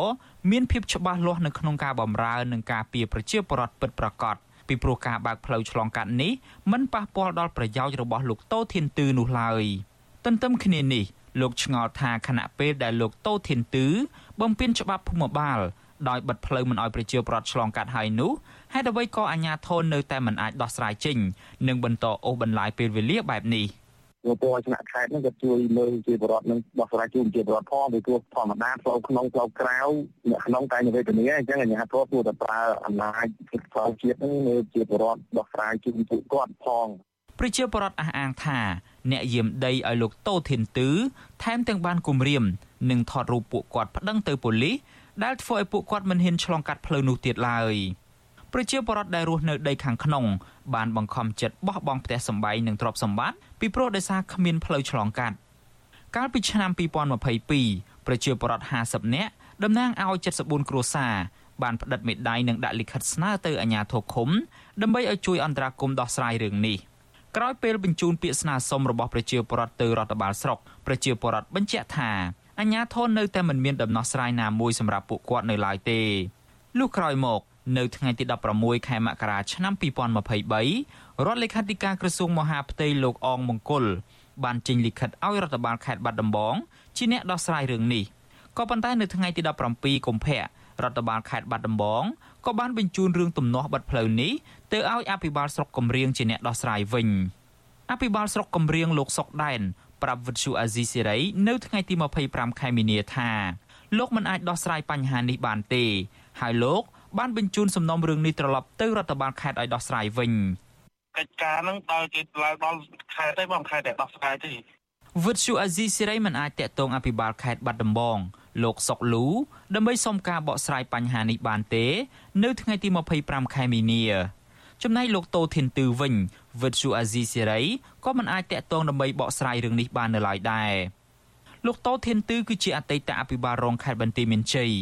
លោកគឺជាអ្នករកស៊ីដីធ្លីល្បីម្នាក់ដែលធ្លាប់មានចំនួនដីធ្លីទំហំជាង3000ហិកតាជាមួយនឹងប្រជាពលរដ្ឋរស់នៅឃុំបន្ទាយឆ្មាស្រុកថ្មពួកខេត្តបន្ទាយមានជ័យសមត្ថកិច្ចធ្លាប់ឃាត់ខ្លួនលោកតាមដីការបស់ចៅក្រមសាលាដំបងខេត្តបន្ទាយមានជ័យពាក់ព័ន្ធទៅនឹងករណីឆបោកកាលពីឆ្នាំ2004ក៏ប៉ុន្តែក្រោយមកលោកក៏ត្រូវបានដោះលែងវិញនៅឆ្នាំ2016លោកតូធីនទឺត្រូវបានប៉ូលីសខេត្តបន្ទាយមានជ័យចាប់ខ្លួនពីបទឆបោកជាថ្មីម្ដងទៀត ហើយសាលាដំបងខេត្តនេះក៏បានផ្ដន្ទាទោសលោកឲ្យជាប់ពន្ធនាគារ1ឆ្នាំកាលពីថ្ងៃទី24ខែកុម្ភៈឆ្នាំ2016តែកតិនទៅនឹងរឿងនេះអ្នកសម្របសម្រួលផ្នែកខ្លំមើលការរំលោភសិទ្ធិមនុស្សនៃអង្គការលីកាដូប្រចាំនៅខេត្តបាត់ដំបងលោកអិនគង់ចិត្តមានប្រសាសន៍ថារដ្ឋបាលឃុំស្រុកនិងខេត្តជាពិសេសក្រុមការងារដោះស្រាយវិវាទដីធ្លីគួរតែប្រញាប់ដោះស្រាយបញ្ហានេះជៀសវាងការខាត់បងពេលវេលា សម្រាប់ភាគីទាំងសងខាង។ លោកបន្តថាដើម្បីដោះស្រាយបញ្ហានេះមានដំណាភាពអាជ្ញាធរត្រូវទៅជួបភាគីពាក់ព័ន្ធនិងជជែកដោះស្រាយគ្នាស្វែងរកចំណុចរួមមួយលោកបន្ថែមថាកន្លងទៅភាគីលោកតូធីនទឺធ្លាប់បានដោះស្រាយដោយផ្លាស់ប្ដូរដីជាមួយប្រជាពលរដ្ឋឲ្យទៅរស់នៅកន្លែងផ្សេងក៏ប៉ុន្តែប្រជាពលរដ្ឋថាដីនោះមានម្ចាស់កម្មសិទ្ធិរួចទៅហើយ បើសិនជាភាគីទូធានទឺគាត់ដោះស្រាយបែបហ្នឹងគាត់នឹងត្រូវចំណាយផ្ទៃដីធំហើយចំពោះដំណោះស្រាយបើគាត់បើកផ្លូវឲ្យប្រជាពលរដ្ឋធ្វើដំណើរចេញចូលបានអាហ្នឹងអស់ទំហំដីតូចទេបាទតាមច្បាប់ភូមិបាលនិងក្រមរដ្ឋប្រវេណីមាត្រា144ដីដែលព័ទ្ធជុំវិញដោយដីរបស់អ្នកដទៃហើយគ្មានច្រកចេញទៅផ្លូវសាធារណៈនិងដីដែលមានច្រកចេញនោះមិនគ្រប់គ្រាន់ហើយមានឧបសគ្គខ្លាំង ដើម្បីប្រើប្រាស់ដីនោះសម្រាប់ការធ្វើកសិកម្មឬឧស្សាហកម្មគឺហៅថាដីបិទចិត្តម្ចាស់កម្មសិទ្ធិនៃដីបិទចិត្តនោះមានសិទ្ធិស្នើសុំឆ្លងកាត់ដីអ្នកជិតខាងបាន ដោយបង់ប្រាក់សំណងទៅតាមការខូចខាត ដោយសារការឆ្លងកាត់នោះជាគោលការណ៍សិទ្ធិឆ្លងកាត់នេះត្រូវរៀបចំតាមទិសឬផ្លូវដែលមានចម្ងាយជិតបំផុតពីដីបិទជិតនោះទៅផ្លូវសាធារណៈប្រជាពលរដ្ឋនិងមន្ត្រីអង្គការសង្គមស៊ីវិលស្នើឲ្យអាជ្ញាធរគ្រប់លំដាប់ថ្នាក់ ពន្យាការដោះស្រាយបញ្ហានេះជាពិសេសភាគីលោកតូធានទឺត្រូវតែគោរពច្បាប់ និងមានការអនុគ្រោះយោគយល់ដល់ប្រជាពលរដ្ឋដើម្បីឲ្យពួកគាត់បានប្រកបរបរចិញ្ចឹមជីវិត និងបញ្ជូនកូនកូនទៅរៀនសូត្រជាធម្មតាឡើងវិញខ្ញុំយ៉ងច័ន្ទដារាវិទ្យុអាស៊ីសេរី Washington បាទលោកនាងកញ្ញាជាទីមេត្រីប្រជាកសិករម្នាក់នៅក្នុងខេត្តកណ្ដាលបានងាកមកចិញ្ចឹមសត្វឈាមដើម្បីរកប្រាក់ចំណូលបន្ថែមទៀត ដើម្បីផ្គត់ផ្គង់គ្រួសារបន្ទាប់ពីការងារធ្វើស្រែចម្ការ បាទបើទោះបីថាសាច់ឈាមកំពុងមានទីផ្សារល្អក្នុងប្រទេសកម្ពុជាក៏ប៉ុន្តែកសិករមួយចំនួន ដូចជារូបលោកត្រូវប្រឈមនឹងការប្រកួតប្រជែងខ្ពស់ជាមួយនឹងសាច់ដែលនាំចូលពីប្រទេសជិតខាង និងតម្លៃផលិតផលនិងតម្លៃផលិតផលខ្ពស់បាទពីរដ្ឋធានីវ៉ាស៊ីនតោនលោកនៅវណ្ណរិន មានសេចក្តីរាយការណ៍មួយអំពីរឿងនេះបាទសូមលោកនាងទស្សនាសេចក្តីរាយការណ៍នេះដូចតទៅក សិករនៅក្នុងឃុំកំពង់កុងស្រុកកោះធំខេត្តកណ្ដាលគឺលោកណូប្រុសបានចាប់យកការចិញ្ចឹមជៀមបន្ថែមលើមុខរបរកសិកម្មរបស់ខ្លួន ដើម្បីរកប្រាក់ចំណូលបន្ថែមក្រៅពីការធ្វើស្រែចម្ការ2ម៉ោងហ្នឹងមើលវាខ្លះលែងនេះដើរទៅនោះទៅកន្លែងគោកន្លែង កសិករវ័យ44ឆ្នាំដែលចាប់ផ្ដើមចិញ្ចឹមជៀមជាង1ឆ្នាំមកនេះឲ្យដឹងថាលោកជ្រើសរើសការចិញ្ចឹមសត្វជៀមយកសាច់នេះដោយសារតែប្រើប្រាស់ថវិកាតិចងាយស្រួលរកចំណីបើធៀបទៅនឹងការចិញ្ចឹមសត្វគោដែលលោកកំពុងចិញ្ចឹមលោកណូប្រុសដែលចិញ្ចឹមជៀមជាង30ក្បាលថាលាមកជៀមលោកអាចយកទៅប្រើធ្វើជាជីដើម្បីប្រើប្រាស់ក្នុងដីស្រែចម្ការរបស់ខ្លួន លើសពីនេះទៀតសាច់ចៀមក៏មានទីផ្សារឲ្យពលរដ្ឋមួយចំនួនក៏និយមបរិភោគដែរស្មៅមួយជាលគោមួយស៊ីឆ្អែតអាចចិញ្ចឹមជាបាន10អញ្ចឹងណាអញ្ចឹងយើងស្រួលឲ្យចំណីវាស៊ីនេះហើយចំណុចទី3ហើយចំណុចទី4គឺថាយើងអត់ទាន់មានគេចិញ្ចឹមច្រើនអញ្ចឹងយើងអាចថាគិតថាវាជាឱកាសរបស់យើងដើម្បីចិញ្ចឹមទៅយើងបានបទពិសោធន៍ផងបានលិមួកវាសម្រាប់ ដាក់ស្រែយើងផងហើយយើងនឹងអាចនឹងពង្រីកអឺការចិញ្ចឹមហ្នឹងពីចិញ្ចឹមជាលក្ខណៈគ្រួសារទៅជាចិញ្ចឹមអឺជាកសិដ្ឋានជាអីចឹងទៅ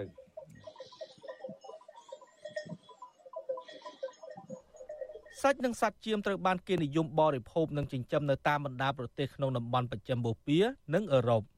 សាច់ចៀមគឺជាអាហារដ៏សម្បូរសារធាតុចិញ្ចឹមជាពិសេសប្រូតេអ៊ីនដើម្បីទ្រទ្រង់រាងកាយកសិករខ្មែរមួយចំនួននៅក្នុងខេត្តកំពង់ស្ពឺ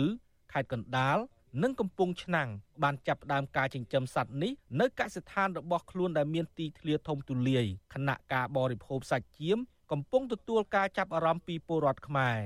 ថ្ងៃក្តៅចេះខ្ញុំបាញ់ទឹកហ่ะបាញ់ទឹកស្រោយវាវាចូលចិត្តទឹកដែរតែវាត្រជាក់ តែស្ហាវាស្ងួតខ្លួនដល់អត់ស្ងួតអារោមហ្នឹងធំក្លិននេះបដោបដោហើយលមាស់ហ្មងកើតលមាស់កសិករណូប្រុសថាលោកក៏មានការប្រឈមមួយចំនួនផងដែរក្នុងការចិញ្ចឹមសត្វជៀមជាង30ក្បាលលក្ខណៈគ្រួសារបែបនេះការប្រឈមសំខាន់ជាងគេគឺការប្រកួតប្រជែងតម្លៃទីផ្សារជាមួយសាច់ជៀមដែលនាំចូលមកពីប្រទេសវៀតណាមនិងថៃបច្ចេកទេសចិញ្ចឹមនិងជំងឺរបស់សត្វលើសពីនេះទៀត លោកក៏ត្រូវចំណាយថវិកាច្រើនទៅលើថ្លៃផលិតដូចជាចំណីនិងថ្នាំសង្កូវសម្រាប់សត្វជៀមដែលភាគច្រើននាំចូលពីប្រទេសថៃនិងវៀតណាមវាអាចតកតងទៅនឹងកត្តាការនាំចូលសត្វពីបរទេសមានពីវៀតណាមពីថៃហ្នឹងគឺគេនាំចូលប្រភេទជាមប្រភេទពពែប្រភេទអីហ្នឹងច្រើនអញ្ចឹងហើយវាអាចទៅប៉ះពាល់ដល់ អ្នកចិញ្ចឹមនៅក្នុងស្រុកដូចយើងអញ្ចឹងបើសិនណាយើងចិញ្ចឹមជាកសិដ្ឋានធំធំក៏រៀងពិបាកដែរព្រោះប្រកួតប្រជែងណាដោយសារយើងដឹងថានៅនៅយើងនេះទី1កម្លាំងពលកម្មក៏វាថ្លៃតាក់តងថ្នាំសម្រាប់ព្យាបាលសត្វតាក់ទងវ៉ាក់សាំងសម្រាប់ព្យាបាលសត្វតែថ្លៃថ្លៃទាំងអស់ហើយបើយើងទៅទិញចំណីសម្រាប់គេយកមកប្រើទៀតអានឹងរត់តែចំណាយខ្ពស់ទៅទៀត លោកនៅប្រុសសង្ឃឹមថាក្រសួងកសិកម្មឬរដ្ឋាភិបាលនឹងជួយផ្ដល់បច្ចេកទេសចិញ្ចឹមជៀមវ៉ាក់សាំងការពារជំងឺដល់កសិករដើម្បីបង្ការជំងឺរាតត្បាតផ្សេងផ្សេងទៅលើសត្វរបស់ខ្លួន ដូចជាជំងឺសាទឹក និងអុតក្តាមជាដើមខ្ញុំបាទនៅវណ្ណរិនវិទ្យុអាស៊ីសេរីពីរដ្ឋធានី Washington បាទលោកនាងកញ្ញាជាទីមេត្រីលោកនាយករដ្ឋមន្ត្រីហ៊ុនសែនកាលពីថ្ងៃទី22មីនាបានលើកឡើងថា ប្រសិនបើវិទ្យុអាស៊ីសេរី ជាខេមរៈភាសាចង់បើកដំណើរការនៅកម្ពុជាឡើងវិញនោះលុះត្រាតែបណ្ដេញអ្នកផ្សាយព័ត៌មានវិទ្យុអាស៊ីសេរីទាំងអស់ជាមុនសិន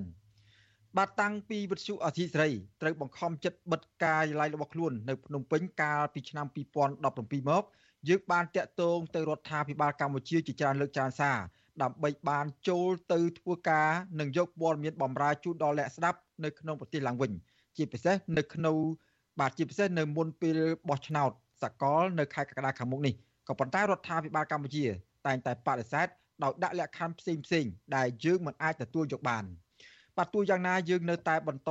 រាយការណ៍អំពីកម្ពុជាតាមគ្រប់វិធីដែលយើងអាចធ្វើទៅបានដើម្បីផ្ដល់ព័ត៌មានពិតនិងទាន់ហេតុការណ៍ជូនដល់លោកអ្នកនាង បាទលោកនាងកញ្ញាជាទីមេត្រី ការផ្សាយរបស់វិទ្យុអសីស្រី សម្រាប់ពេលសម្រាប់រាត្រីថ្ងៃសៅរ៍នេះបានឈានចូលដល់ទីបញ្ចប់ហើយ ខ្ញុំបាទសេចបណ្ឌិតព្រមទាំងក្រុមការងារទាំងអស់របស់វិទ្យុអសីស្រីសូមជូនពរដល់អស់លោកអ្នកនាង